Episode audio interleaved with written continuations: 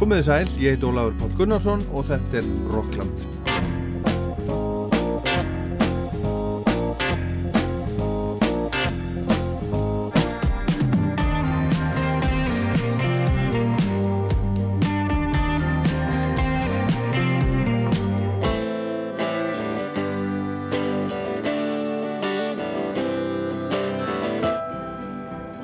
Þetta er fyrsta Rockland eftir að Rástvö var 40 ára. Rástvö var bara 12 ára þegar Rockland tók göngu sína og ég er auðvitað afskaplega þakklátur fyrir að hafa fengið að vera hérna alla þennan tíma og vona ég fá að vera eitthvað áfram. En eitt af því sem Rástvö gerði í tilöfni af 40 ára manninu var að fá hlustendur í lið og velja uppáhalds lögin sín frá þessum 40 árum. Uppáhaldslögin, fyrsta áratugin, nýjunda áratugin, svo tíunda og fyrsta og annan áratug nýrar aldar, 1980 til 2020. Lögin voru fyrst 100, valinn af stóri dómnefnd, 25 fyrir hvern áratug.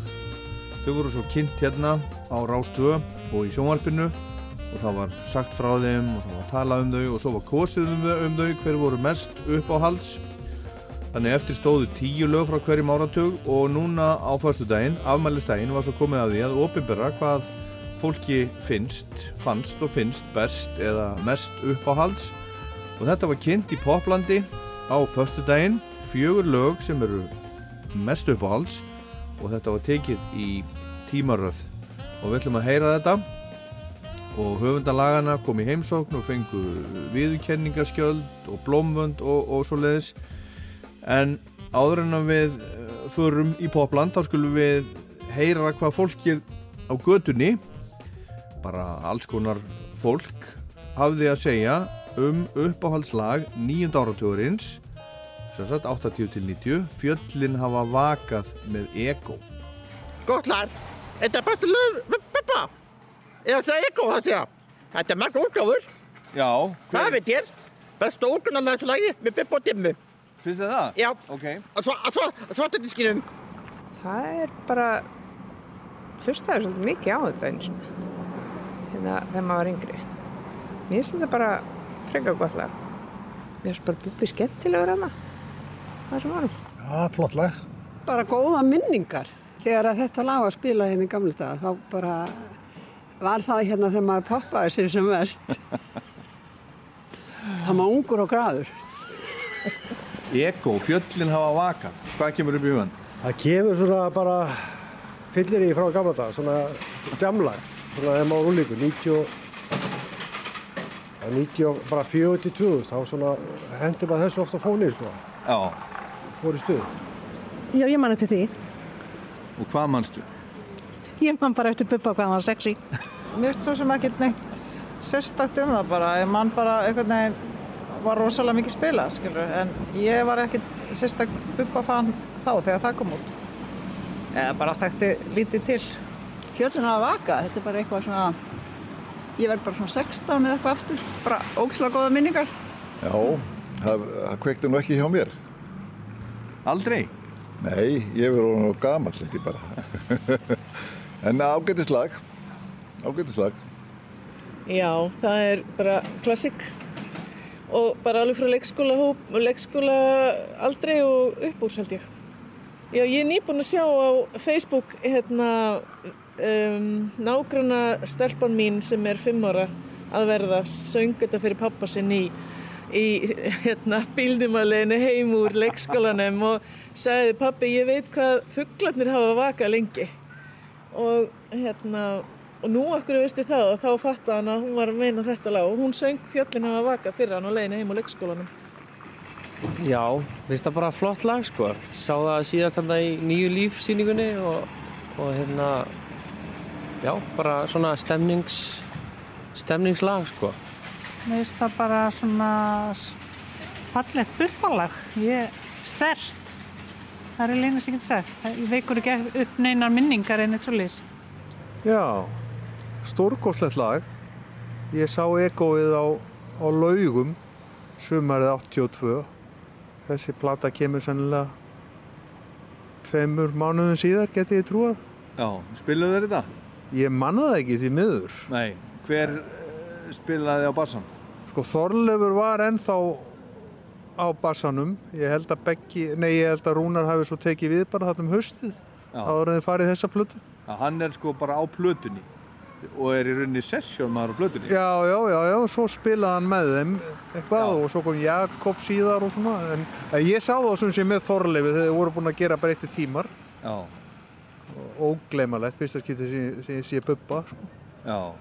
Íþróttúsun og laugum, Vestlórmannleikina. En hvaða hugur koma þegar þú hugsaður um þetta lag? Og, og, og um hvað fjallar þetta lag? Ég botnaði nú aldrei neitt í þessu, hvað hann var að fara, sko. Svo, svo sagði hann mér að hann hann hefði samið þetta upp í fjallið þarna, meðal, meðalfellinu í Kjós, þar sem hann var mikið sem strákur og flutti síðar. En ég bara, hughrifin á þessari plötu eru, mér fannst hún þung, uh, með bestu formmerkjum. Mér fannst hún svona uh, myrk og, og þung og með segja vínillin í minningunni er bara einhvern veginn þykri líka og heldur en aðrir á þessum árum. Ég veit ekki út af hverju. Það er svona mjög svona sterk svona og þú veist umslæði svart með einhverju rauðu í og þetta, þetta var svona mjög dark og mér að skapi. Þetta er bara stórkostlega gott lag og ég hugsa að allar kynsluður fíla það, skiptir ekki máli hvað þú ert gammal sko. En já, og það er ofta fónunum sko. Maður skiptir ekki þegar það kemur fram maður skiptir ekki um lag.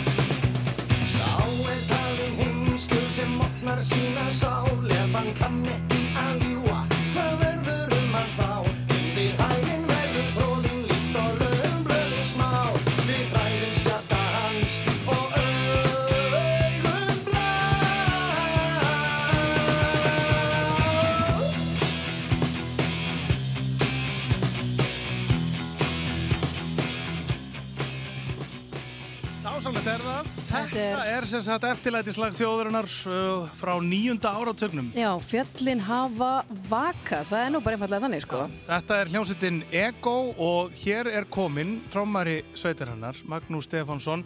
Sæll og blessaður og til hamingi með að eiga uppahálslag eða eftirlætislag þjóðurinnar hlustandar ás á tvö frá nýjunda áratögnum. Velkomin. Takk fyrir. Og ég ætla að sko byrja bara á því að aðfenda þér hérna.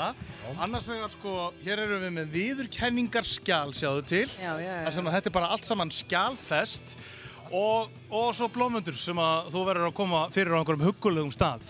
Já. Beint í vatn sko. Já.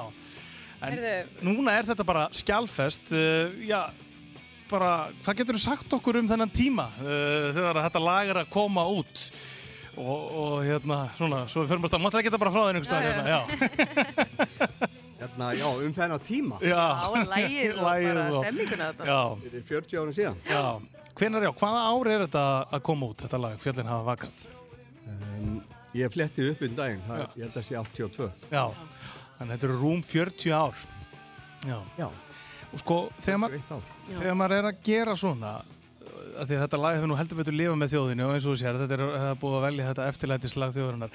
Átta maður sig á því þegar þið voru að gera þetta, þetta á eftir að slá í gegn. Uh, nei. En svo náttúrulega, sko, þetta lag hefur, hérna, hefur átt, sko, gott líf.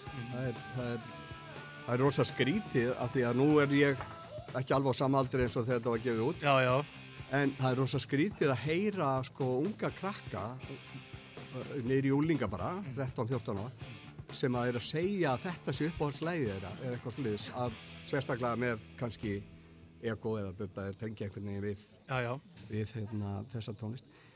Já, nei, ég veit ekki, ég man ekki hver spurningi var.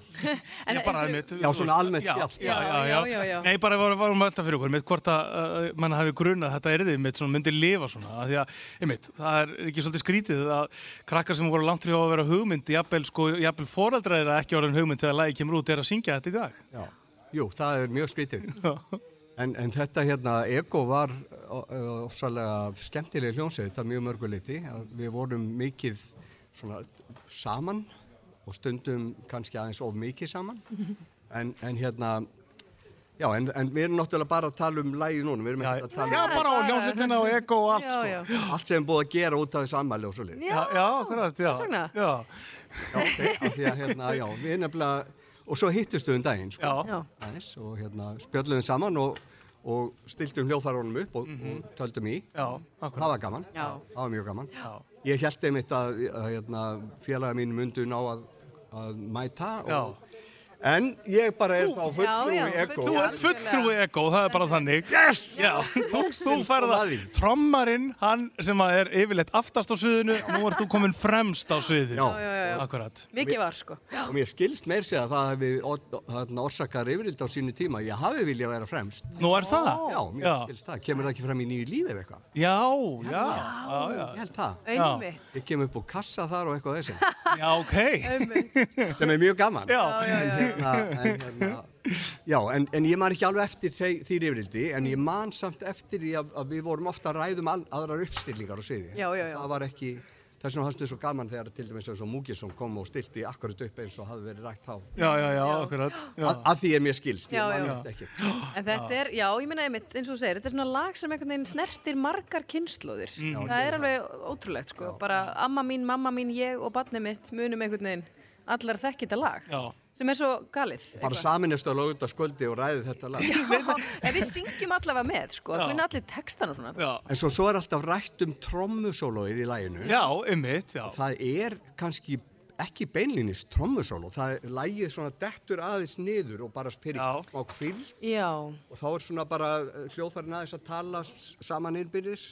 En svo er að vísu trommusóló út úr þeim kapla. Já, já. Já, já. Og Þú veist svona, maður heyr... dúdum, dúdum, Já, já, já, já. En, en það er kannski ekkit mörg lög á Íslandi á þeim tíma eða, eða jafnvel síðan síðan, hérna, þú ert ekki alveg að tjá mig með hérna, Björgvin Plóter með. Já, Björgvin Flóttir er að baki fíklana sem að gera alls konar Já, já, akkurat. en, en svona, það var ekki allavega hefðin að væri, kæmi svona hérna, pásupartur í miðju lægi og, og svona smá eitthvað trommudæmi Mitt, sko. akkurat. Og þetta var kannski líka bara svona uh, þú veist, í takt við önnu lög á þessum tíma eins og meskalín og, Já. og svona það sem að við vorum að eða ég var að prófa eins öðruvísi hlut á trommurnar sko. Já, já. Akkurat. ekki þar fyrir að það er engin áhuga við hvað trommarinn er að gera Jú, ég, ég, þú, get, þú, ert, þú ert minnstakosti hér með, með tvo sem hafa virkilega ná á því. bara núna því ég er eini sem er það er gegn rákar eða eru hlust á getið bara farið heim Já, akkurat.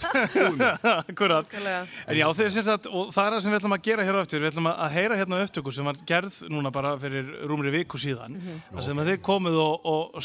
að saman. Uh, þessum var ég eins og spurningamerki fram að ég vildi ekki vera að kjafta Já, já, já, akkurat, já, já, ég Við skil, ætlum, já. að, við ætlum að spila það, sko. það, það er komið að því Já, það er komið að því og, og hérna, við ætlum að- að skella þeirri uh, upptöku af stað. Já. Uh, þar sem að sem þið saminist félagarnir aftur uh, og Margrét Eyr syngur. Hvernig var svona að telja þetta aftur? Hvað er langt síðan að að þið spiluðu saman? Það er sko, þið komuð saman fyrir kannski svona 15, 10-15 árum síðan eða ekki? ekki, ekki við sko. Já, ok. en ég og Bubbi endurstörtuðum 2004 Já, emitt, já. Og hérna mm, en þá voru aðrir annar gítarleikar og aðrir, annar bassaleikar og sliðis ég skil þannig að ég og þess vegna var þetta þess vegna fannst mér þetta svo magnað af Já. því að ég og ég Beggi og Þorleifur höfum ekki spilað saman síðan í 41 ár Já, vá, það er svakalegt. það var geggja og það var það er svo skrítið sko að þegar við bara hittumst í bílskotni hjá Margrét Eir Já. þá var eins og við hefðum bara verið að æfa í síðustu viku eða Já, þú veist, já, á giggi um helginni eða eitthvað sko Var þetta bara í veðvaminninu bara? Já, þetta bara Já. small saman sko. Ótrúlegt. Magnað. Eigum við að heyra, heyra þessa útgáfu? Já, við skulum heyra hvernig þetta var þegar að uh, þið uh, félagar úr Ego komu saman eftir 41 ár Mhm. uh, og skelltu því fjöllin hafa vakað og Margrét Eir uh, flutti lægi með ykkur. Uh, ég segi bara Magnús takk kjalla fyrir að koma og uh, veita þessari viðkenningum ótöku. Á ég þetta einn eða á ég að deila Já, það er Af því að það. ég er náttúrulega egoisti skilur og ég er að fara með þetta heim Já, þú ert að fara með þetta heim. Gerðu það bara. Já, ég myndi gera það. Sveið mér þá. Uh, og bara til hamingju sko, með þetta, þetta lag og, og takk fyrir eitthvað framlag til íslenska tónlistara því að eins og segi, það er, það er magnað og, og, og þitt framlag sem drómara því að, að, að við sem erum tónlistunörd við, við Já, já. þekkjum þitt, uh, þitt, þitt handbræð, það er alveg þannig Bara megi, megi fjöllin vaka Já, heldur og betur dundrum í þetta lag. Já. Til hamingi sem er leiðis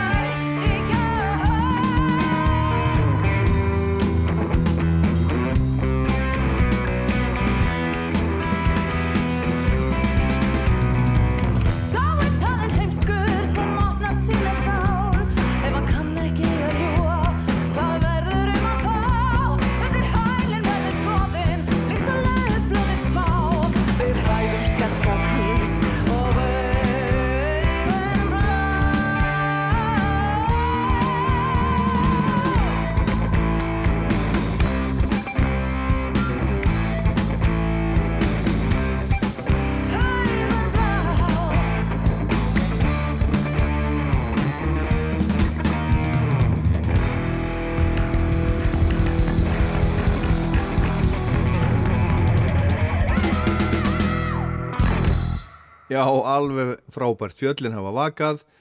Þetta er ekki ego, heldur eru þetta meðlimir úr ego og Margrét Eyr og fjöllin hafa vakað. Tekið upp í stúdíóa í útvarshúsinu Östarleiti núna um daginn. Gísli Kjaran Kristjánsson, hann, hann tók þetta upp og, og mixaði og mér finnst þetta geggjað, hrikalega flott og gaman að heyra, þetta eru svo miklir afburðar hljófara leikarar og, og auðvitað er það þannig að það er talað um þetta sem eitt af lögunum að spubba og ég hef meiri sér gert það sjálfur en auðvitað er þetta þetta sameign. Þeir sömdu þetta, Bubbi, hann á líka textan en uh, þeir eiga lægi saman, Bubbi og þessir þrýr sem að voru að spila, Beggi Mortens Maggi Stef, trommuleikari og Þorlefu Guðjónsson, bassarleikari Við skulum heyra annar lag með ego af þessari sömu plötu, þar sé plötunni sem að fjöllin hafa vakað þér á. Í mynd heitir hún, fyrsta platan heitir Breyti tímar og þar eru nákvæmlega þessir, sérsagt Maggi, Beggi, Þorleifur og Bubbi. Svo var, var Þorleifur held ég, rekin úr hljómsveitinni og þegar þeir gerðu plötuna í mynd sem að fjöllin hafa vakað þér á, þá fenguði Rúnar Ellingsson inn sem bassarleikara en hann er ekki eh, framann á plötunni. Þó hann spili á bassarplötunni og hafi hugsanlega lagt eitthvað til þá er hann bara titlaður svona aðstofa ljófarleikari, sessjónmaður þannig að Ego þá voru Bubbi, Beggi og Maggi. Og þetta er á þessari plötu, Meskalín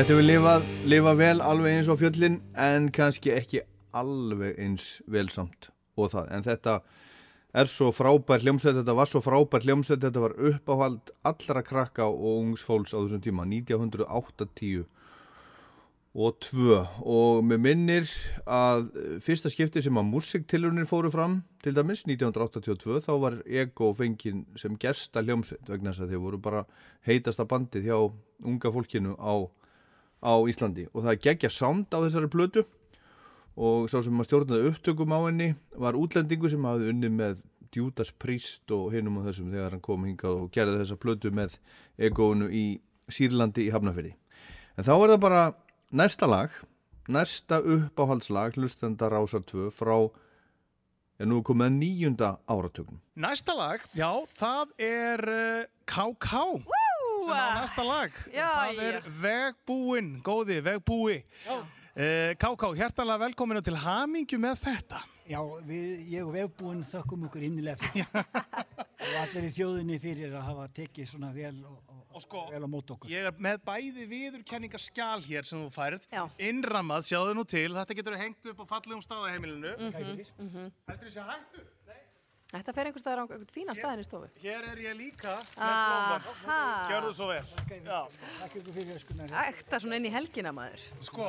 Með, með þetta allt saman. Já, takk. Þetta lag, uh, Já, farðu aðeins með okkur Já. þarna aftur í tíman. Hvenær- Ég skal vera uh, eldfljótur hérna. já, hvenar, hvenar kom þetta út og, og, og í hvaða, í hvaða andrumslofti? 1992, leikrit þrúreiðinar Já.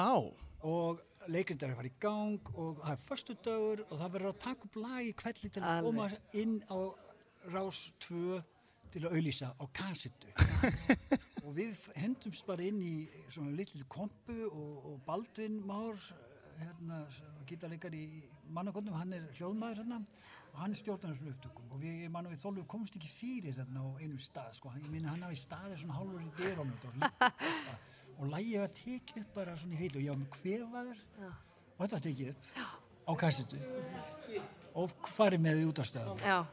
og til ykkar Já. Já. og það var byrjað að spila og, svo, þetta, og þetta har sennilega verið í mars, april eða eitthvað svo leið sko. Mm. síðan er þetta bara hljómar þetta bara í útvarpinu Linnulaust. linnulaust Já. allt sumarið og haustið og um haustið þá förum við út og komum út með nýja blötu sem heitir Beinleið Mhm. 92 og ætlum að taka lægið upp aftur almennilega sko. það var bara ekki hægt Nei, nei. Það var ekki hægt að betur um Nei, af því að það var svona komið inn í þjóðasóluna bara. Já, einhver galdur. Já. En þú ert að segja okkur það að þetta lag sem hefur liðað með þjóðinni og er núna útnefnt eftirlætis, eitt af eftirlætis lögum hlustandar ása það er 2. ég að segja, ég er mjög spenntur að heyra hvað ég er Já, að þú, segja nei, þú ert að segja að þetta hafi bara verið svona, hafi verið skellt í þetta bara, svona, Talið niður bara. talið niður í þetta til þess að auglýsa leiksýningu,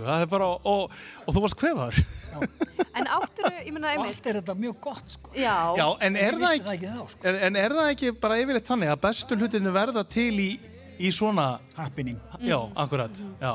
En þegar, einmitt, svo, einmitt, fer þetta svolítið á flug og, og var það óvænt eða, æ, þú veist, eins og þú veist að tala um aðan, sko, hvernig þetta einhvern veginn þróast og verður bara svona, m- lifir með þjóðinni? Áttur þú von á því? Nei, ég hef aldrei pælt í þessu, ég Nei. skil ekkert í þessu. Já. Þetta er ekki máli, en það nema hvað þetta er náttúrulega opáslega gaman að, að fá að vera partur af þessu. Já, akkurat. En sko, hver, hver er þessi vegbúi? Hvað, hvað fjalla lægið um? Um, Vegbúi líka er orð sem ég fann upp. Já, mitt er því, er þetta nýjir því? Mörgum, mörgum ári síðar, sko. Já. Þetta ekki til, var ekki til í, í málinu. Þetta, þegar ég var að semja tónlist fyrir þetta leikrit, þá var ég að lesa John Steinbeck og, og, og hlusta á tónlist frá þessu tíma og Woody Guthrie og allir þessu pakki. Og þá var þetta, þetta voru alltaf vagabonds, Aha. fólk sem hafði mist heimil sín og, og, og, og vinnu út af döð Dust Bowls, Mhm. svona land, mikið þurrkur Já. í gangi þá, áræktunar og þetta fólk eru flottamenn í sínu eigin landi Mm. og, og, og, og, og byggur bara Já. og mér finnst va- mér finnst vagabonds og mér finnst svo fallet orð Mhm. Og, og hérna svo ég fann þetta orð Þú þýttir það raunin bara svona eftir því sem já líka allir í munni svona Já, já, já, Já. Byrja að bæða á vaff og svona, já. En Já. magna, ég vissi ekki að það verið frumsamið orð. Já, þetta er, þú ert nýjirðasmiðurinn. Áká, áttu fleiri orð heldur sem það var alveg óvart líka sko. Já, já. þannig að hjá mér Mér finnst það magna, það er svo gaman að því þegar svona verður bara, svona gerist, að, að þetta bara gerist óvart. Já. Já.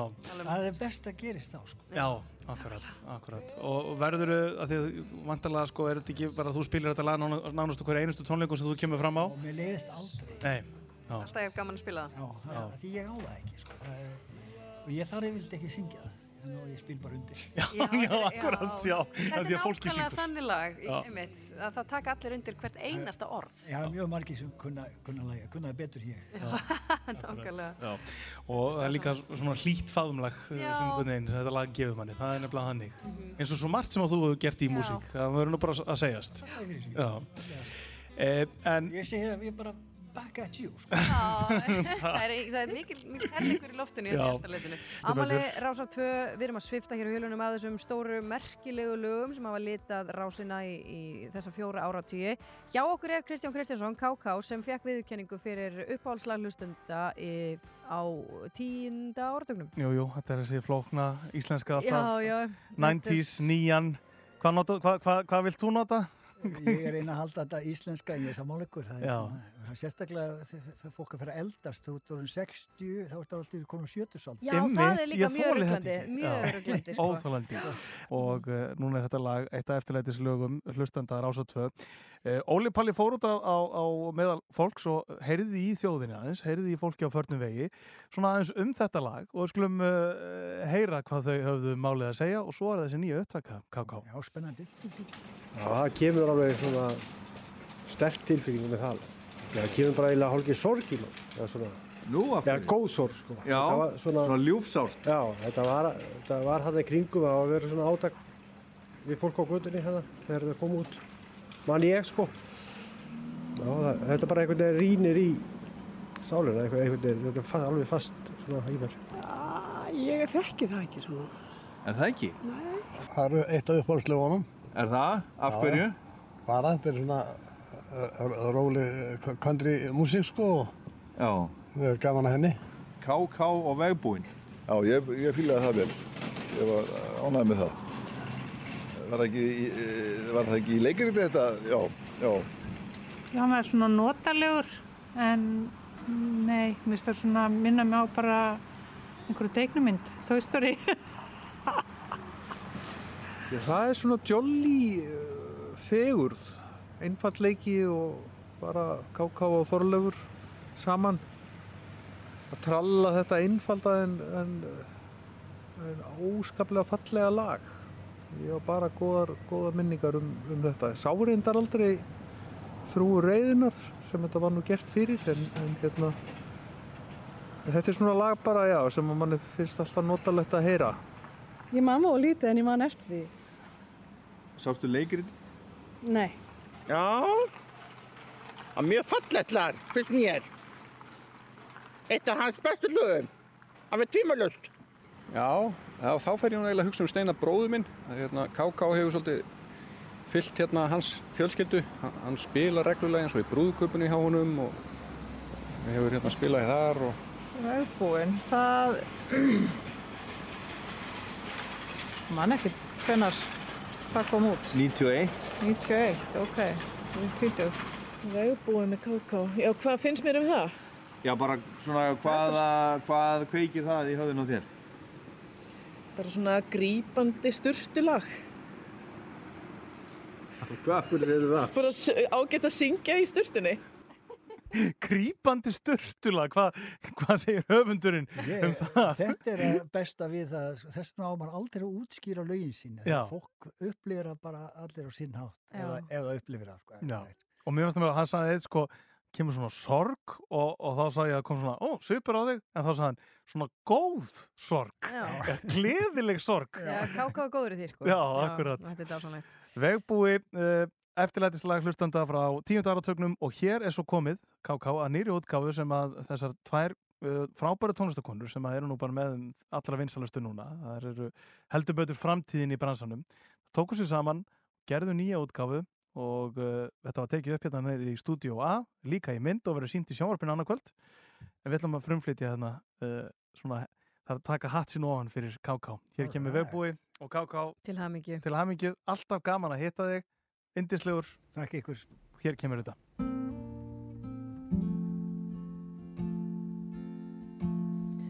Þú farið aldrei að gleima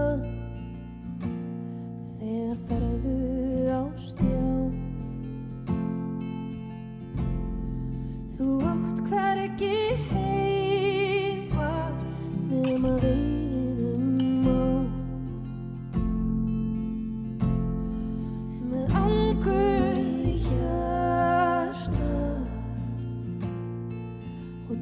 aşkım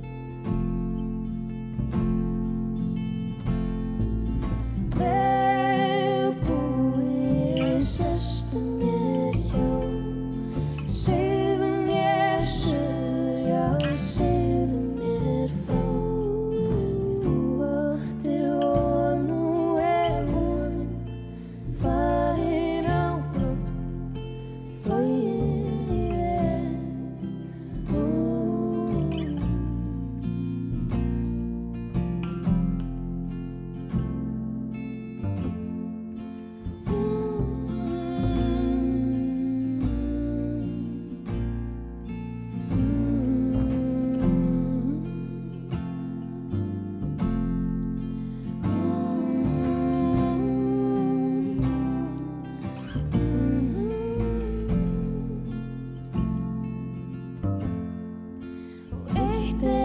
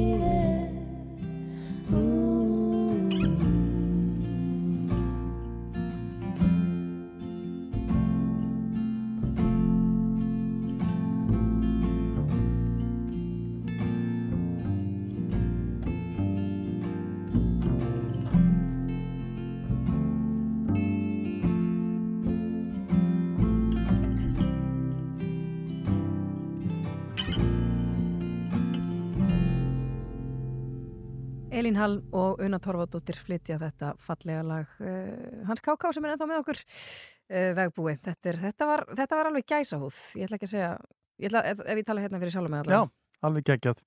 Og aftur takk fyrir komin að KK. Ég, vera, Já. ég, ég er orðlaus, þetta Ja. er svo fallegt hjá Já. ég þakka þeim fyrir og ykkur. Já, þetta var virkilega fallegt og bara virkilega flott, glæsilega gert. Elín Hall og Una Torfa og Birgir Steinn Theodorsson spilaði með þeim á kontrabassa. Í gamla daga voru þetta bara KK, þeir tóku þetta upp, heyrðu söguna því hérna á hann, þetta var bara, það liggur við maður getur sagt að þetta hafi verið tekið upp, upp óvart, en það þarf ekki alltaf að vera eitthvað, einhver rosaleg umgjör, stundum gerast bara galdrar þar sem að, að maður svona býst kannski síst við þeim eins og einhverju hljóðkompu í borgarleikúsinu Þorleifur sem að var í egóinu hérna áðan og KK en KK sló í gegn þegar hann sendi frá sér fyrstu plötuna Lucky One 1991 svo kemur þessi strax í kjölfarið að þetta, þessi leiksýning og, og plata nummer 2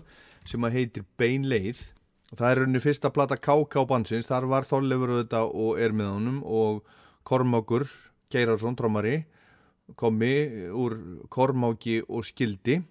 Og beinleið eru lög eins og til dæmis Beinleið, Besti vinur sem margir þekja, Þjóðvegu 66 Taugahaugur, Talandi dæmi. Og svo eru, eru þarna ég held að þetta hafi verið auka lög sem komu á diski bara á setni tíma útgáfa að þessu, eða eitthvað, ég man þetta ekki alveg en þetta er Borg mín Borg sem að, sem að Björk og KK syngja saman sem var notað í Sótum og Reykjavík eða tekið upp fyrir Sótum og Reykjavík.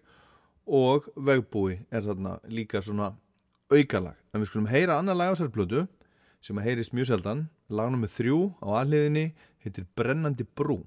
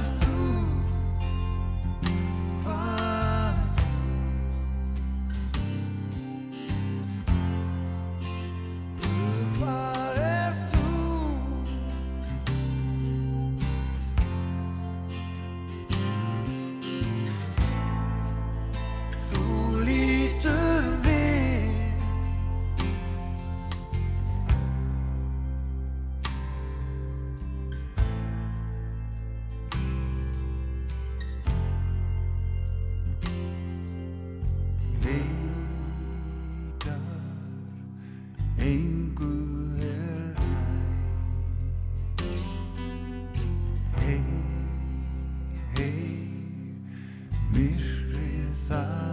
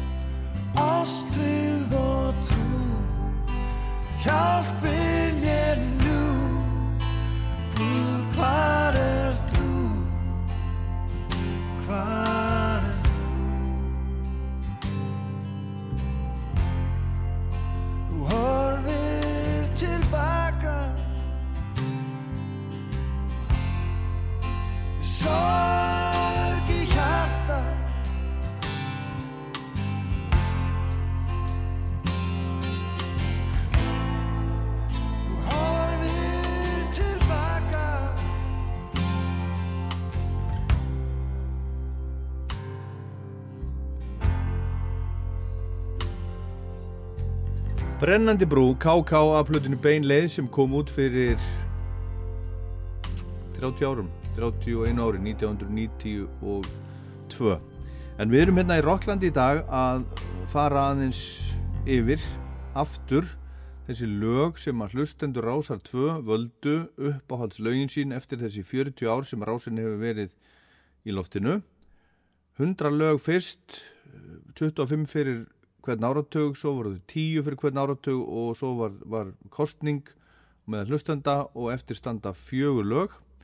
Það eru tvö búin, það er fjöllin hafa vakað, Ego fyrir f- fyrsta áratugin nýjönda áratugin og svo tíunda áratugin þetta lag.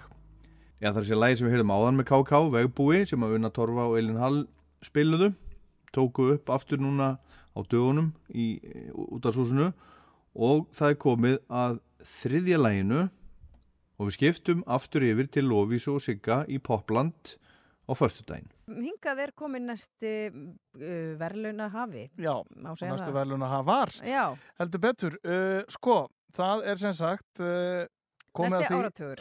Næst, við erum komin núna að þessum áratug milli 2000 og, og 2010 eða Mhm. 2001 til 2010 Við vorum í vandræði með hvað hann heitir sko. Þetta ekki, sko, þetta Ásinn, nullið, allt þetta. Já, þetta var mikið... fyrst, fyrsti áratugur 20. og fyrstu aldar Já, og svo framvegis. en þú veist, þetta er kallað notis upp á ennsku uh, nullið kallum við þetta hér upp á Mér finnst það íslensku reynda bara fín sko, laust. Já, En- og, og eftirlætislag hlustenda Rásar 2 frá þessum áratug er þetta fína lag hér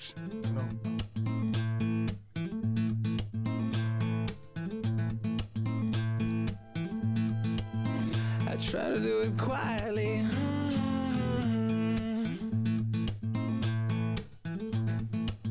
Not whisper, more like a shock.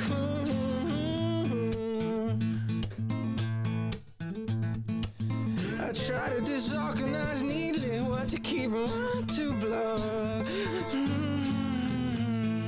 Þetta er Múkisson og lagið er Murmur sem að var gífurlega mikið spilað hér á Rás 2 Sko, annó árið er 2004 Já. og, og þetta lag fór með heiminskautum. Já, það var bara þannig. Það er Það er eiginlega ekki tækt að sko, fara neitt nánar út í það. Já, og hér eru mennirnir á bakvið lagið, eh, Múkisson og Pétur Ben. Hæ. Bara velkominir og til hamingju með að eiga eftirlætislag, eitt af eftirlætislögum uh, hlustandar Rása 2. Heiður, takk. Takk fyrir. Og, og sko, hér er ég með já. nei, nei, nei. Þetta er mikið seremónia sko. Uh, bæði höfum við hérna þetta fínu... Hér er bein lýsing. Já, hér lýsing. eh. Hann stendur og sko Örn situr á vísu, einhverja síður, þá blómvöndurinn er komin í hönd, mikil hamingja. Uh, Pétur er sposkur á svip uh, og, og það er mikil, ríkir mikil sátt hér inn í hljóðveri 2. Já, akkurat. Að Mamma! sko, eitt sem ég langar svo að byrja á, því við vorum nú bara að ræða núna í hátteginu, Mm. það er gítarinn í la þessu lagi. Ding, ding, ding, veist, þetta hlýtur að, vera svolítil vinna. Uh, mér skildist þetta, þú, Pétur, Mhm. hafið svolítið svona... Þú berð ábyrgð á þessu, þessu og, og gert honum lífið svolítið leitt. Heldur. Var það ekki heldur þannig? Hvernig var þetta? Ég, sko, ég samti lagið um, hérna, á eitt streng Já. og þá var það svona Din, din, din, dun Já, bara Dun Din, din, din, din, din, din, dun, dun að þetta er nú ekki beint lag en þá En megni komið, þú veist, ykkur fílingur og þá kom Pétur í heimsókn á bjóðu brekkustignum Mm. í miðbæ og hann tryggti daginn Já.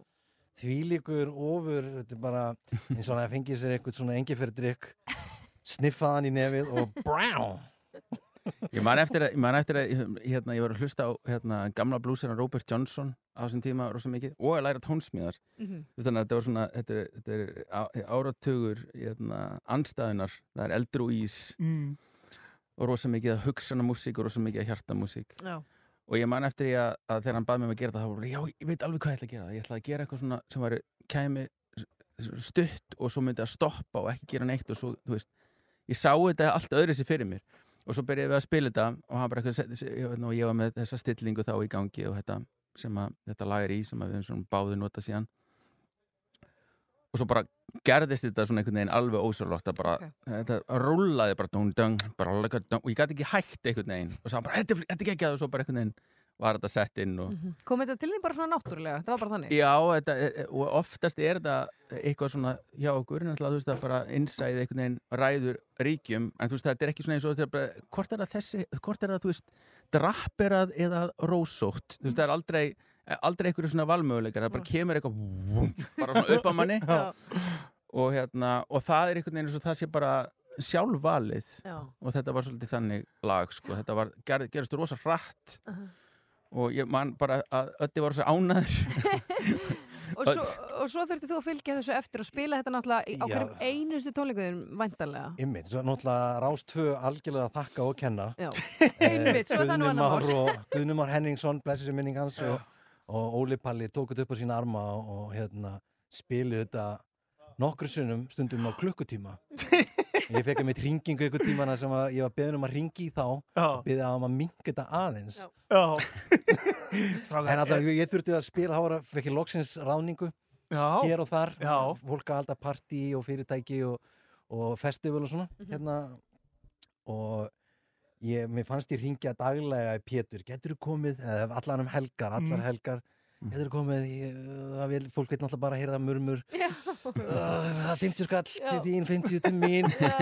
Let's do it og svo eftir svona tvo mánu af þessu vesinni, mér fannst ég verið að taka yfir lífans einhvern veginn hann að Já, hann, sko, hann borgaði mig 5.000 kall fyrir að kenna sér þetta Ok. en ég tapaði svona miljón af því að þú veist, ef ég hefði fengið all giggin, sko, þú veist, þá Akkurat. væri ég náttúrulega bara ríkum maður í dag já, já, já, já. þetta er mjög áhugaverð ég, mér finnst þú ekki að hafa kunnað á gítar fyrir en að Pétur kendi mig þetta lag Mhm.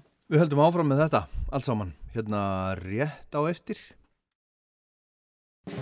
Hej, det här är Peter Svensson från Korgen och du lyssnar på Raus 2 och Rockland. Hi, we're Franz Ferdinand, and you're listening to Rockland. Hey, this is Nick Rhodes from Duran Duran on Rockland.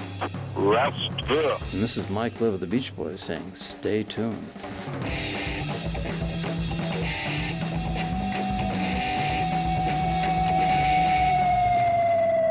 Mér finnst þú ekki að hafa kunnað á gítar fyrir en að Pétur kendi mig þetta lag Mhm. Já, akkurat, þannig að þetta er lagið sem, ken, sem, sem þú varst fullnum á gítar eftir Mér þetta lag fannst það, já, það var það námskeið Já. Já, það gerðist eitthvað hjá okkur báðum held ég á þessum tíma Ég held Já. að líka ég hafi lært svolítið að því, hvernig, að því hann spilar síðan öðruvísi sko. Já. Hann spilar sem með fingrunum og hann eiginlega spilaði það miklu betur Ok. Þú veist þeirra hérna, framlýða stundir Mhm. En ég, já, ég get ekki ímyndað með hvernig bara fingurnir á manni, sko, líður í fingurnum eftir að spila þetta lag. Þið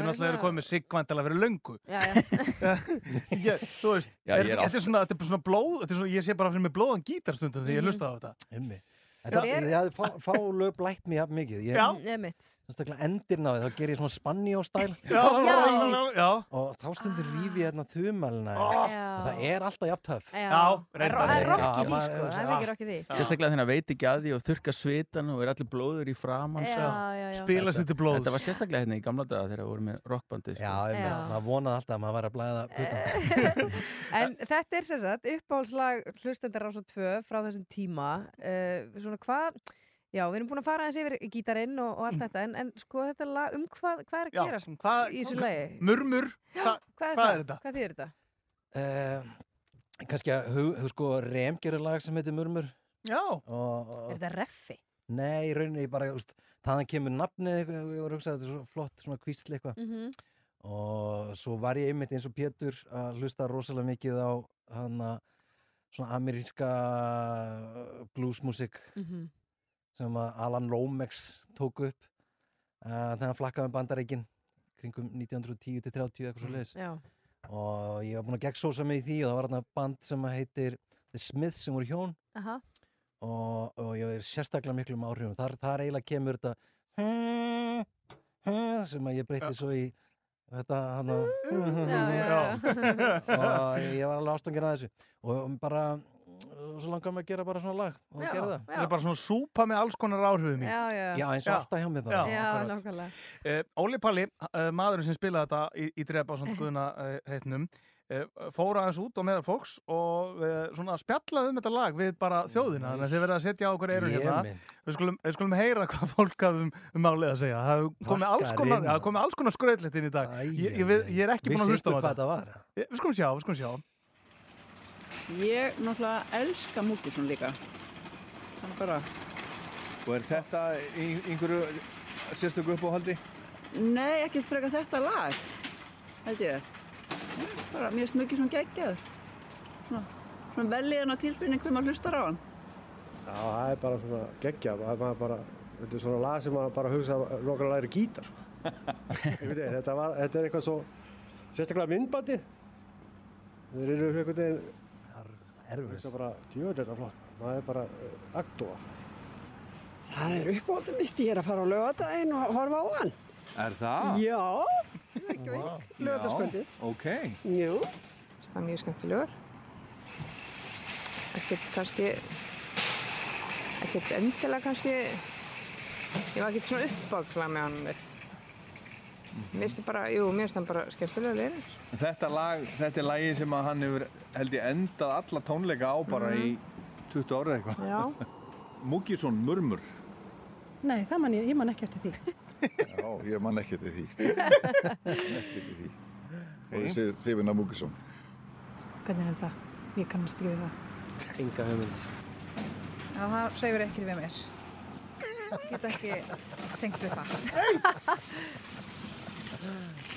það er eiginlega bara, ég veit ekki eins og hvernig laglínan er. Þekkið ekki. Veit ekki hvað lag það er. Kannski veit ég eitthvað, þú veist, ég veit ekki hvað titill það er, en kannski þekki ég ef ég heyri það. Vítu, það er hérna... Já. Já, eh, bara geggja lag náttúrulega sko. Það er það fyrsta sem ég kemur upp í það. Ég reyndi að læra þetta lag á gítar ansi lengi, gata ekki. Þannig að svona pyrraði mig. Múkisson, hann var, hann var líka lengi að ná því. Já, er það ekki? Já, geggja lag bara. Vesturinn, það kemur upp í það. Sko, mér finnst Múkisson æði og flest öll lög með hann. Ég samt, veist, veit ekki hvað þau heita, ég veit ekki alveg hvað þú ert að tala um. ég er rosa lítið af því að, að vita hvað lögin heita og, og, og hérna, en mér finnst bara allt með Múkisson bara geggjað, sko. Það er alveg geggjað. Alveg makalust gítariff hjá Petri Ben og lægið eftir því bara dásanlegt sko. Þetta er, þetta er nú voða mikið bara svona performance og fíl. Ef maður myndi taka þetta lag niður í einhverja, í einhverja greiningu þá væri sjálfur sér ekkert mikið að frétta en þetta er bara performancein og fílið, grúfið og þetta likk sem að tekur þetta náttúrulega bara upp í rjáfur og í gegnum það sko. Performancein og fílið. Já. Ah, Já, takk. Gaman að þessu. Já, gaman að þessu. Nei, Og þetta var hressandi. Já, það er líka svo fyndið að því að sko, uh, svo um leið að fólk heyri lagið, Mhm. þá veit alveg hvað þetta Ah, er. já, þetta er þannig. hvað svona fólk sem er kannski er ekkit að lifa og hrærast í tónlist, Mhm. það veit eiginlega ekkit hvað kannski lögin heita Nei. yfirleitt. Nei, ég er með þeim í lið sko. Já, Já, akkurat, Það er svona oftast en ekki aukaðrið, sko. Já.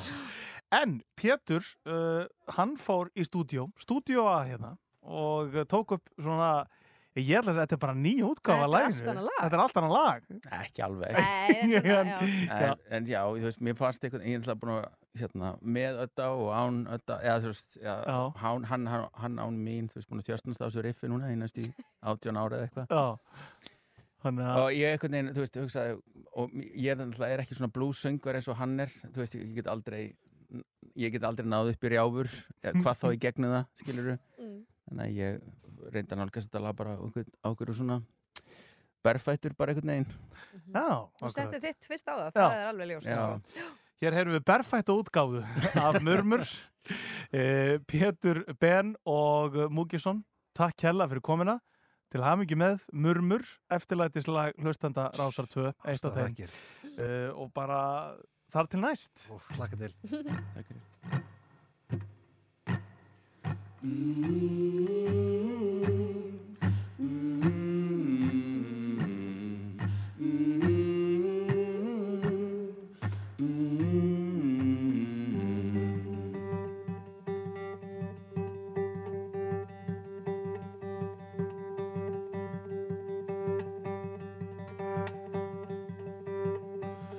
Try to do it quietly.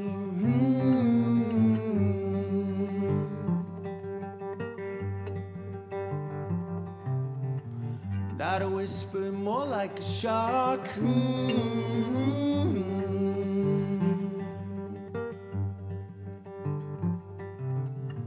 Try to disorganize neatly. Disorganize neatly. What to keep and what to block. What to block.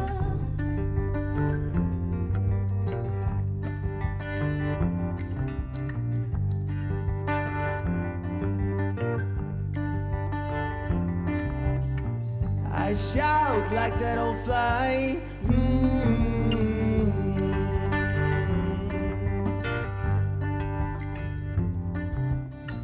In that window and wait. Mm-hmm.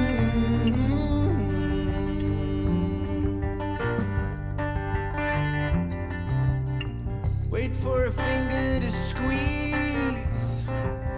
Finger to squeeze. Will I jump or hesitate?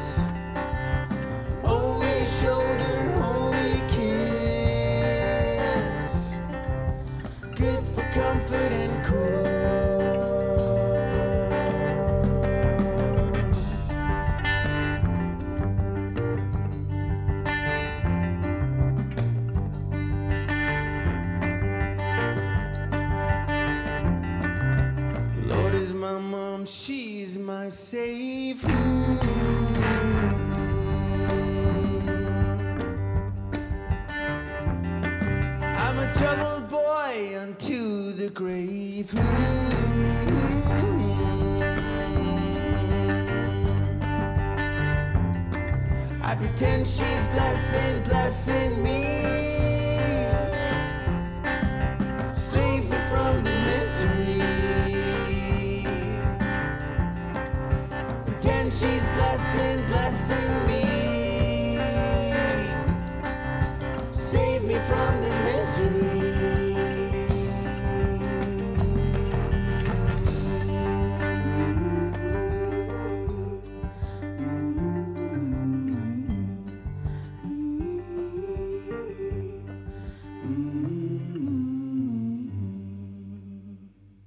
Þetta er alveg ótrúlega flott, vel hefnað.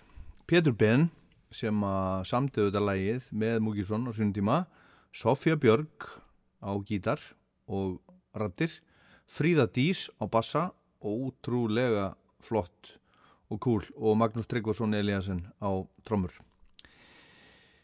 Murmur er að finna á annari plötunars Múkisson, held ég alveg regla, Múki Mama is this monkey music sem kom úr 2004 Þar er það bara númer nýju á plötunni.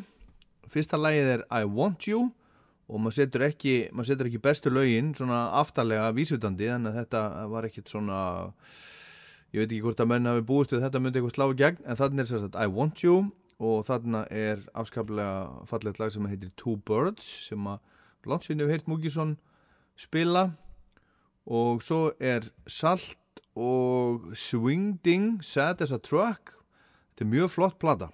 Mjög flott plata ef þið þekkja henni ekki tjekkja endur lána, ef þið þekki bara það sem kom hefur komið í setni tíð frá Múkisson tjekkið á þessari og er rauninni bara allir sem hann hefur gert. En til að spila lagásarblödu sem að mér finnst afskaplega fínt og heyrist mjög sjaldan það heitir Out Ask og þetta er lægið á undan murmur á plötunni Múki Mama is this monkey music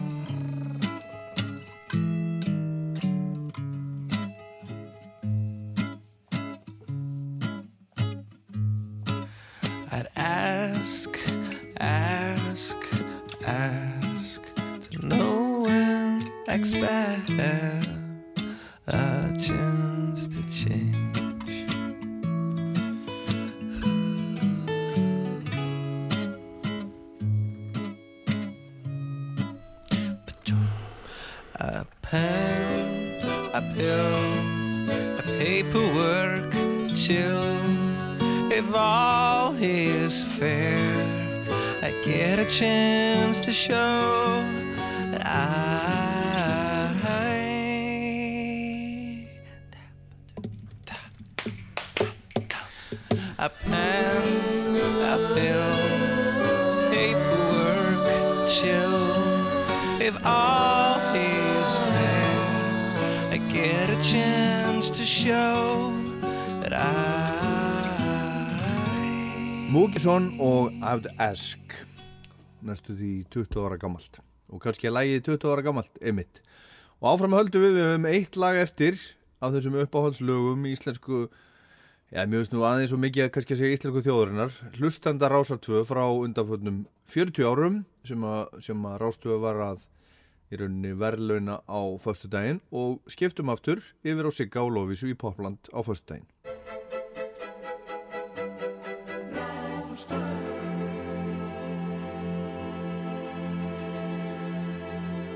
Rástvö í 40 ár. Það er ekkert smá stef sem þú valdi þetta Já, já, já, ég bara er elska þetta gömlu stefin. Já, já, hvort veist. Við erum hér Lofís á Siggi í Poplandi, við erum búin að vera að útnefna hér og, og veita viðkynningar, tónlistarfólki sem að uh, á eftirlætislög Rásar 2 hlustenda Rásar 2 í 40 ára sögu þessar útvarsrásar sem að sem sagt fór í loftið þennan dag fyrir 40 árum þetta eru Fjöllin hafa vakað þetta er Vegbúi og þetta er lægið Murmur og nú er komið að uh, loka læginu uh, sem er þá líka nýjast af þessum lögum lægið úr því sem að er kallað ásins mm -hmm. Mhm. áratugurinn sem að við vorum að koma út úr 2011 til 20 Mhm. og það er lægið með langa introið.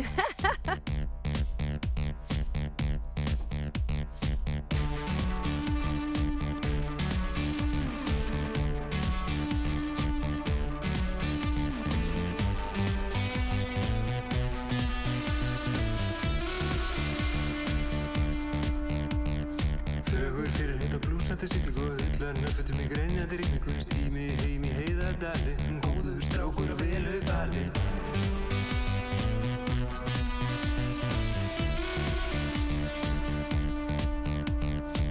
verður gott að knúsa kerlu. Erlu, erlu, erlu, góðu erlu sem giftist mér því ég kunni að skaffa. Sjómaður og svonur að snappa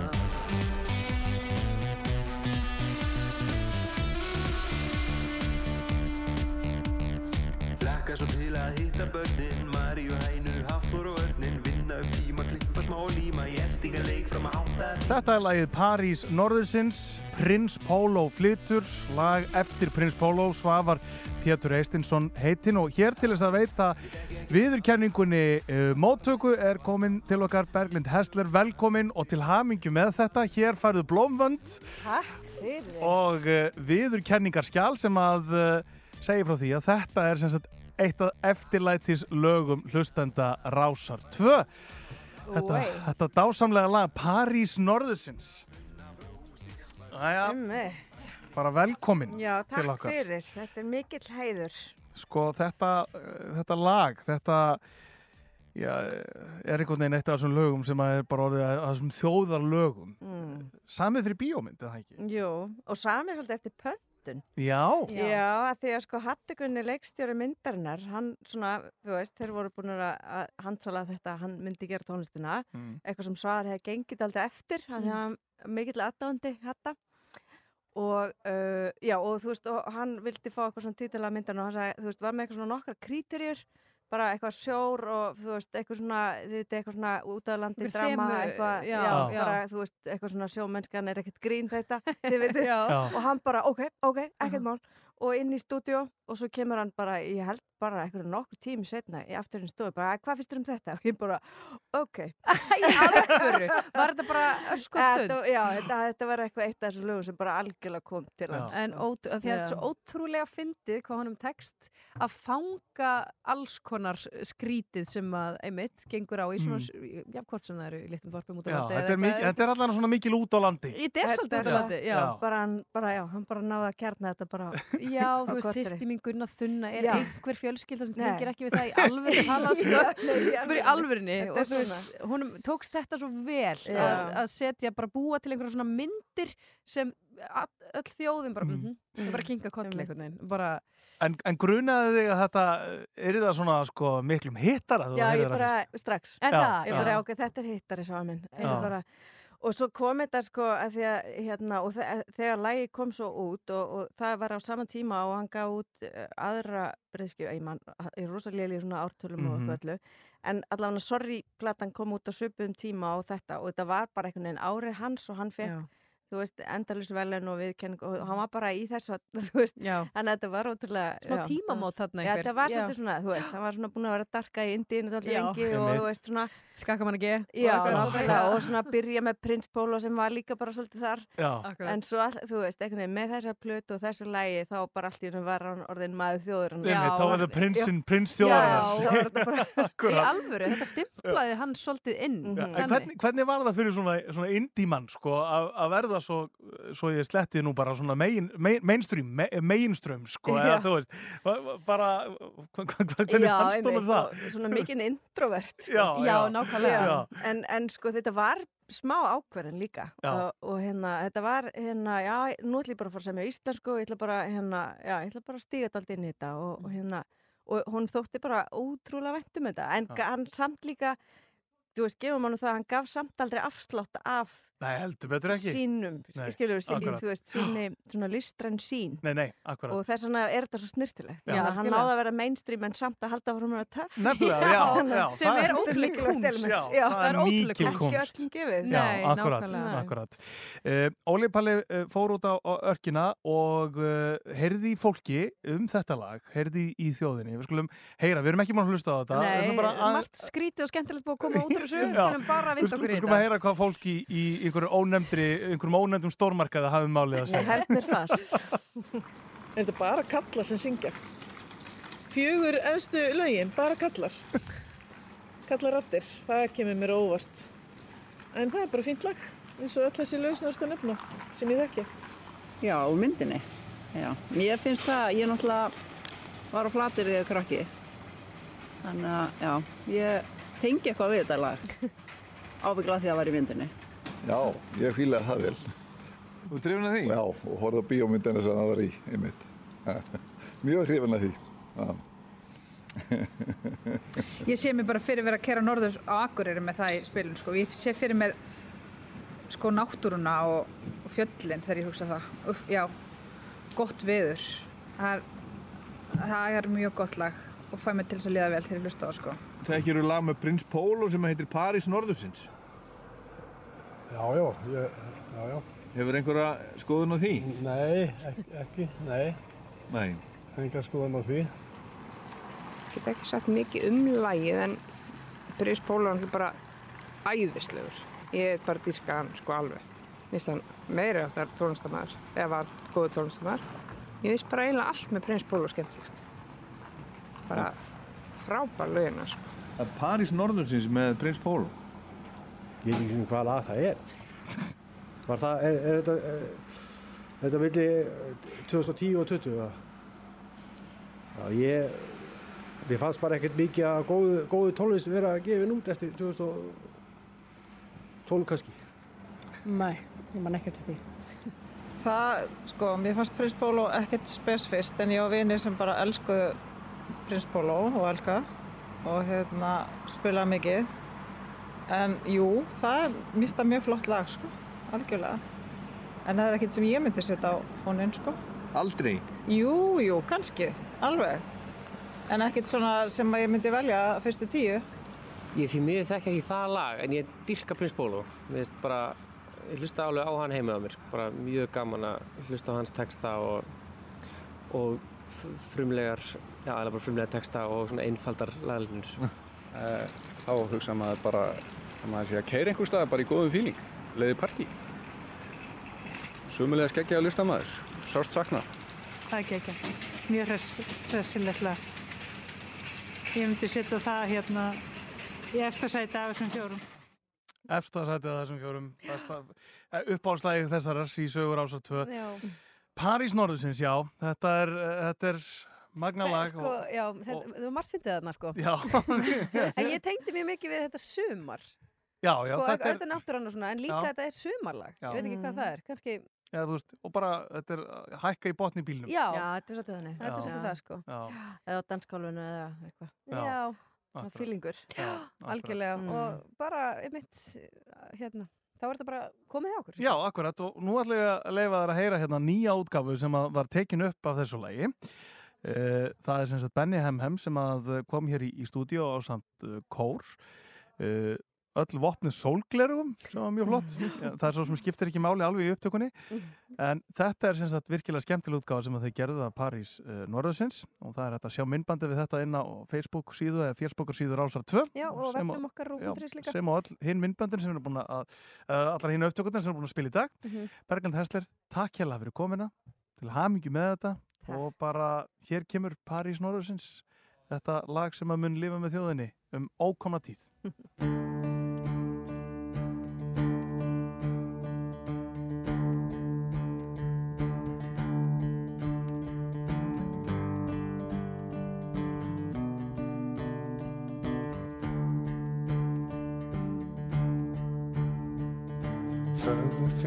blúsandi siglingu og öllarnar fötum í grenjandi rigningu. Stími heim í heiðadalinn, góður strákur og velum balinn.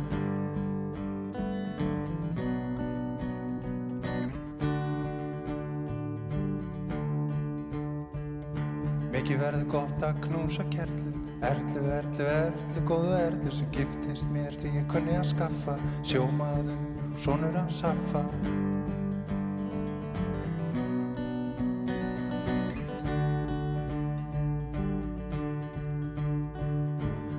Hlakka svo til að hitta börnin Maríu, Hænu, Hafþór og Örnin Vinna tíma, klippa smá líma Í eldingarleik fram að hafta tíma.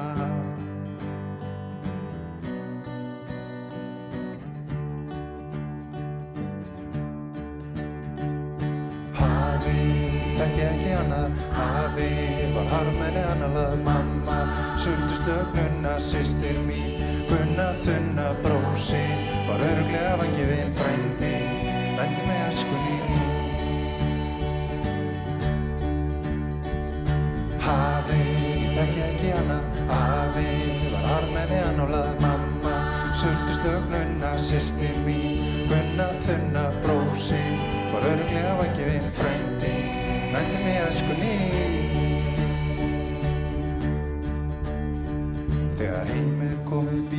flaskan og á tröppunum stendur ferðartaskan Erla góða fór með vini á hespak síðasti túran kyrði um þverbak.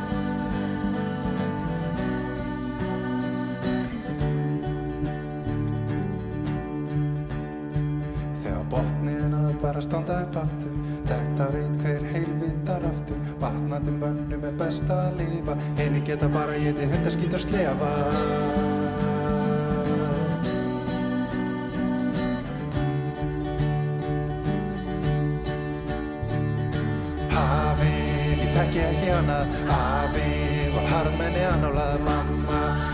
sultustöð Gunna, sýstir mín Gunna, þunna, brósi Var örglega vangi við frændi Vændi með æskunni Hafið, ég þekki ekki annað Hafið var harmenni annálað Mamma, sultustöð Gunna, sýstir mín Gunna, þunna, brósi Var örglega vangi við frændi Vændi með æskunni Hafið afi, ég þekki ekki annað Afi var harmenni annálað mamma. Sultu slögnuna, sýstir mín. Gunna þunna brósi. Var öruglega vangi við frændi. Nændi með eskunni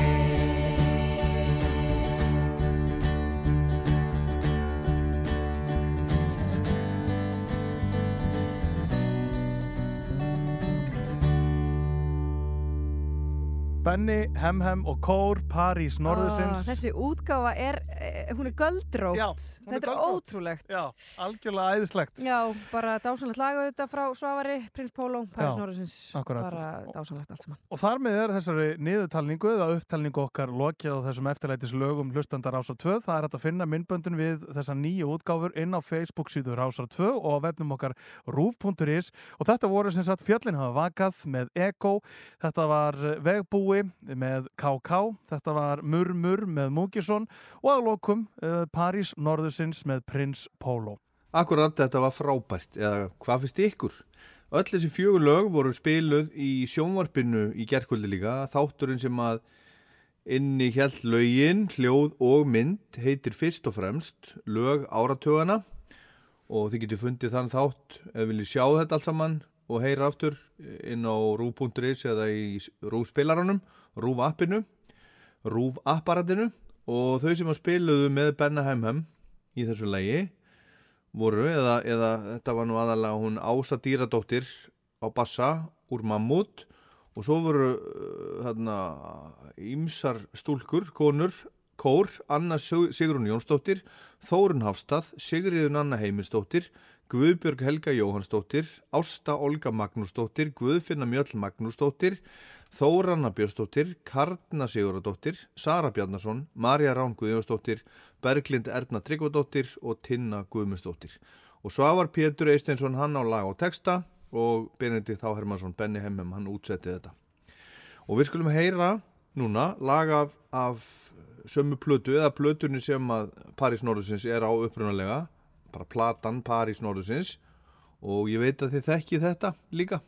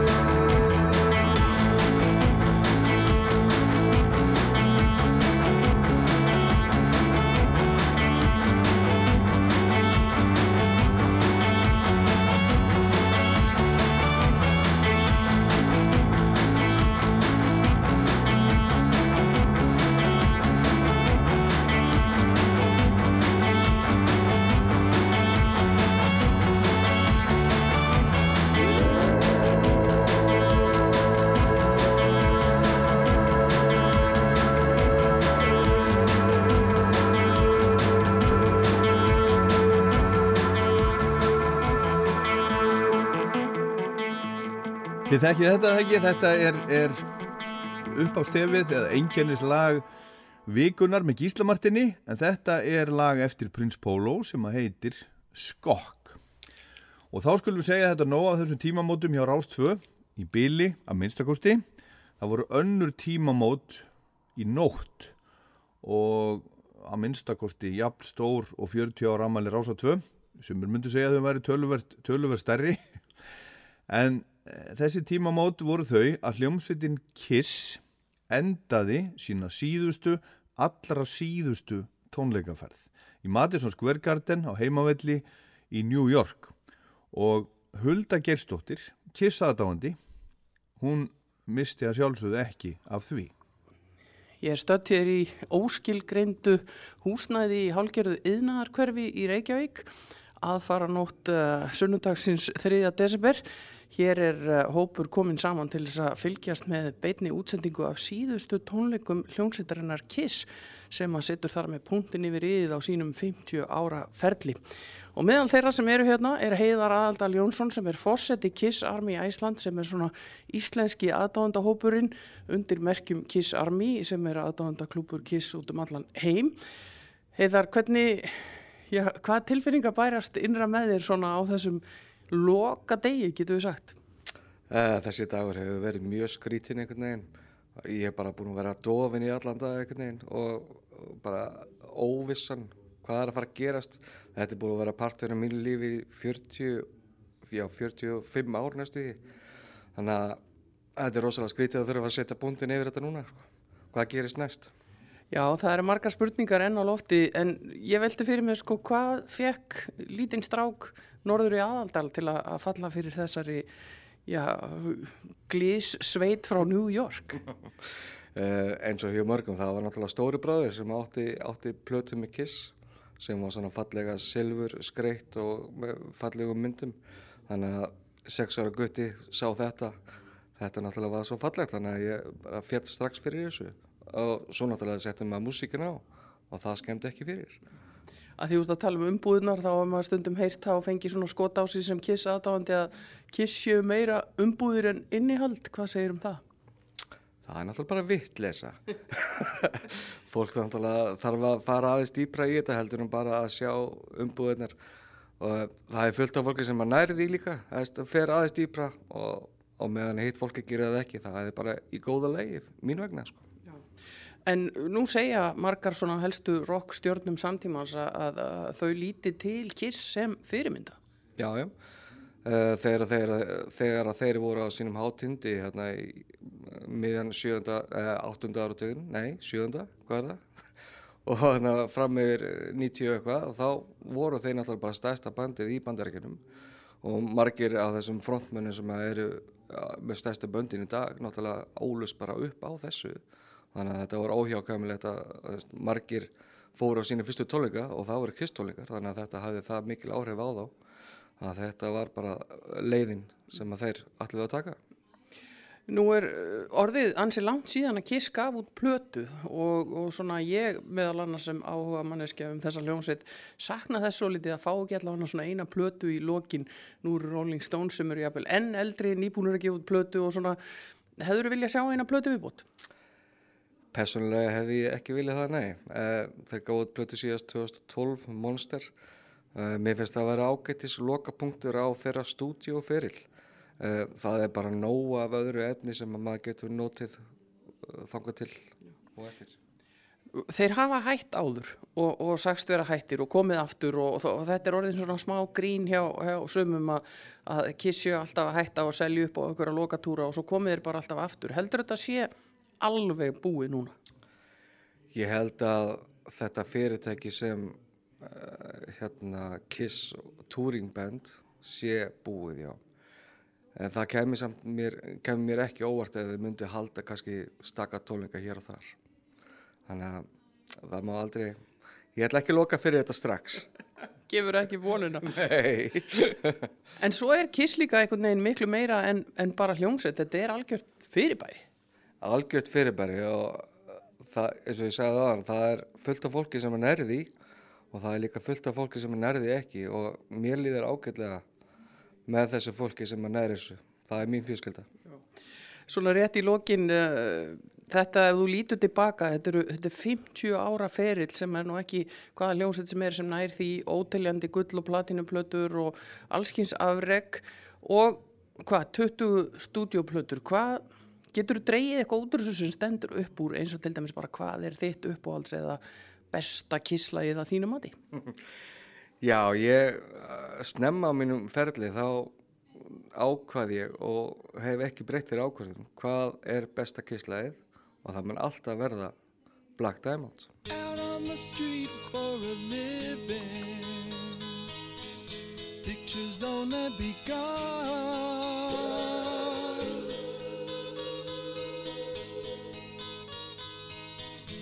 Got you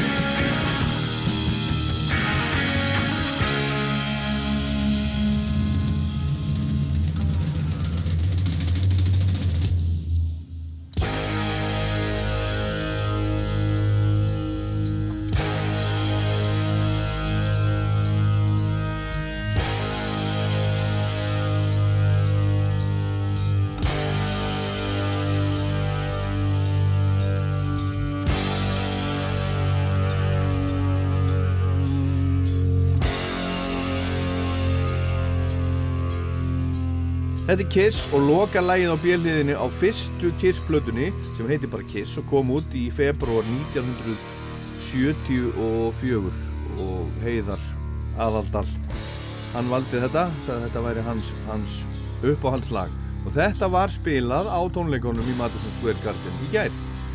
Skulum heyra hérna örlítil brot sem hún hulda tóku þarna það sem hún var með kissvinnu sínum að fagna eða fagna, það var verið að kveðja bara, þetta var kveðji stund. Heyrum smá brot af því og, og svo smá brot það sem að, það sem að Paul Stanley kveður. Coffee for Kiss.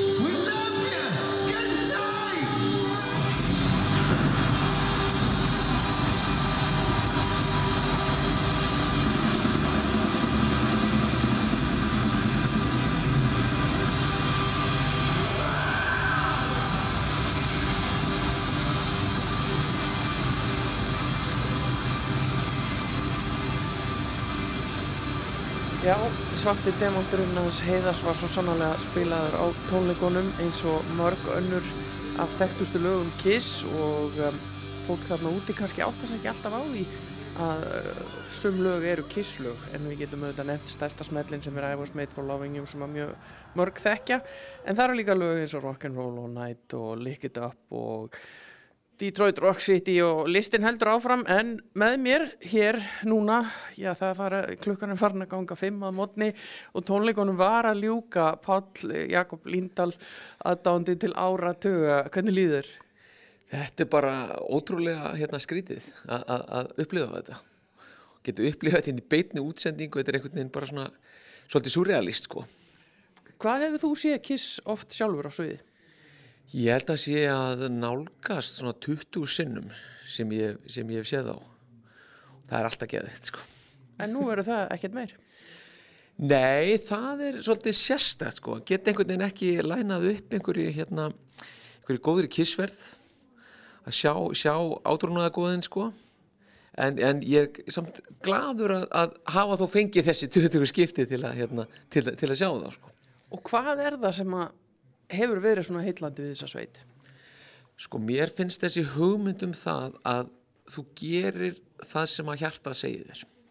Mér finnst það svo heitlandi. Þú ert ekki að spá í hvað öðrum finnst. Um, þú ert bara trúr sjálfum þér. Það, mér, það er það sem að heillar mig svo mikið. Og þú, þú fylgir því eftir og þú fylgir því alla leið. Sko, það, það eru 50 pluss ár hérna, hjá, hjá þessum gaurum og þeir eru búin að upplifa ímislegt. Þeir eru búin að upplifa gríðlegt mótlæti. Það, þetta eru alls konar brekkur. Það eru verið náttúrulega líka bara gríðaleg velgengni. En það hefur líka alveg verið jafn, jafn djúpir dalir sem þessi hafa upplifað þessi menn á þessum, á þessum rúmlega fimm áratugum sem er hafa verið í gangi sko. En eitt sem að, að kannski kom okkur svo litið óvart en, en samt ekki að í loktónleikana að þá var sterklega gefið í skín að eitthvað annað tæki við. Já, þetta er eitthvað sem að, sem að Kiss hafa verið svona í aði gegnum árin að, sko, að það muni eitthvað taka við en maður gerir sér ekki alveg grein fyrir því hvað, hvað þetta eitthvað er og það verður auðvitað svolítið spennandi sko, hvort þetta verður eitthvað skonar eitthvað tölvugert hérna, tölvugerri hljómleikar eða tónleikar eða, eða hérna eða hvort þeir bara manna bandið upp á nýtt sko, Sko, það er ómöld að segja hvað þessum mönnum dettur í hug. Þeir, þeir, þeir, þeir eru einhvern veginn bara þannig gerðir. Þeir koma hann að sífælt á óvart sko. Nákvæmlega, við fylgjumst auðvitað með því en þetta endaði sem sagt á því að, að, að þeir sögðu þarna uh, sko þess, uh, vegalokin, the end of the road á þessum vegi eru upphafið að ykkur nýju. Nákvæmlega og það verður mjög spennandi að sjá hvað það verður Takk fyrir þetta Páll. Já, þá er þessari 50 ára sögu kiss á sviði lokið. Jafnvel þó þeir snúi kannski aftur sem tölvu teiknaðar fígurur, þá verður það aldrei einsenda ljósin slöknuð og eldurinn dáin út. Ef ég má velja með lag til þess að kveðja kallana í Kiss með og uh, þar með hlustendur Rocklands í leiðinni, þá langar mig að benda á lag af plötunni Creatures of the Night sem er mín uppáhalds Kiss-plata. Lægið heitir I Still Love You. Þetta er einstaklega flott rockballaða og sýnir Paul Stanley eins og hann var upp á sitt allra besta. Takk fyrir allt. Í 50 ár. Kiss.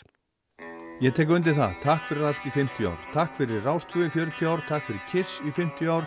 Þetta var Rockland. Takk Hulda fyrir að, að lefa okkur að vera með þessu. Ég heit Ólaður Páll. Takk fyrir að hlusta.